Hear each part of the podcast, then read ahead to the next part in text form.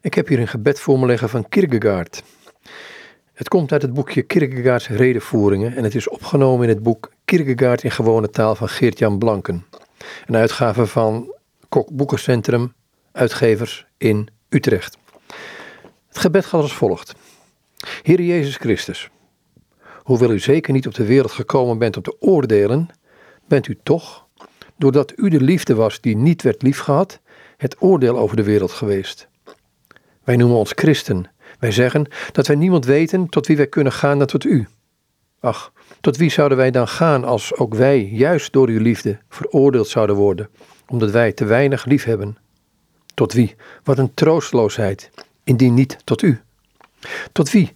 Wat een vertwijfeling, indien u ons werkelijk niet barmhartig zou willen aanvaarden, ons onze grote zonde tegen u en tegen de liefde vergevend. Want wij zondigen veel, door weinig lief te hebben.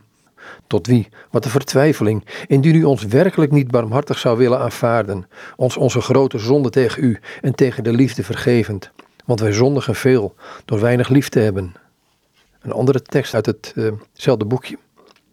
Want de liefde werkt veel dieper op het leven in, dringt veel dieper in het leven door, tot daar waar het leven zijn oorsprong neemt, dan de rechtvaardigheid, die van zich afstotend de gapende diepte tussen zichzelf en de zonder in stand houdt, terwijl de liefde naast hem gaat staan, niet aanklaagt, niet oordeelt, maar vergeeft en kwijtscheldt.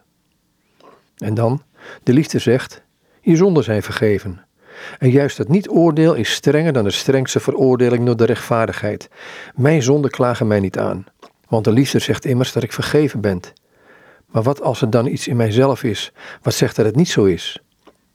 Dan is dat dus mijn eigen schuld. Alles Søren Kierkegaard. Dit waren teksten uit het boekje Kierkegaard in gewone taal van Geert-Jan Blanken, een uitgave van Kokboekencentrum Uitgevers in Utrecht.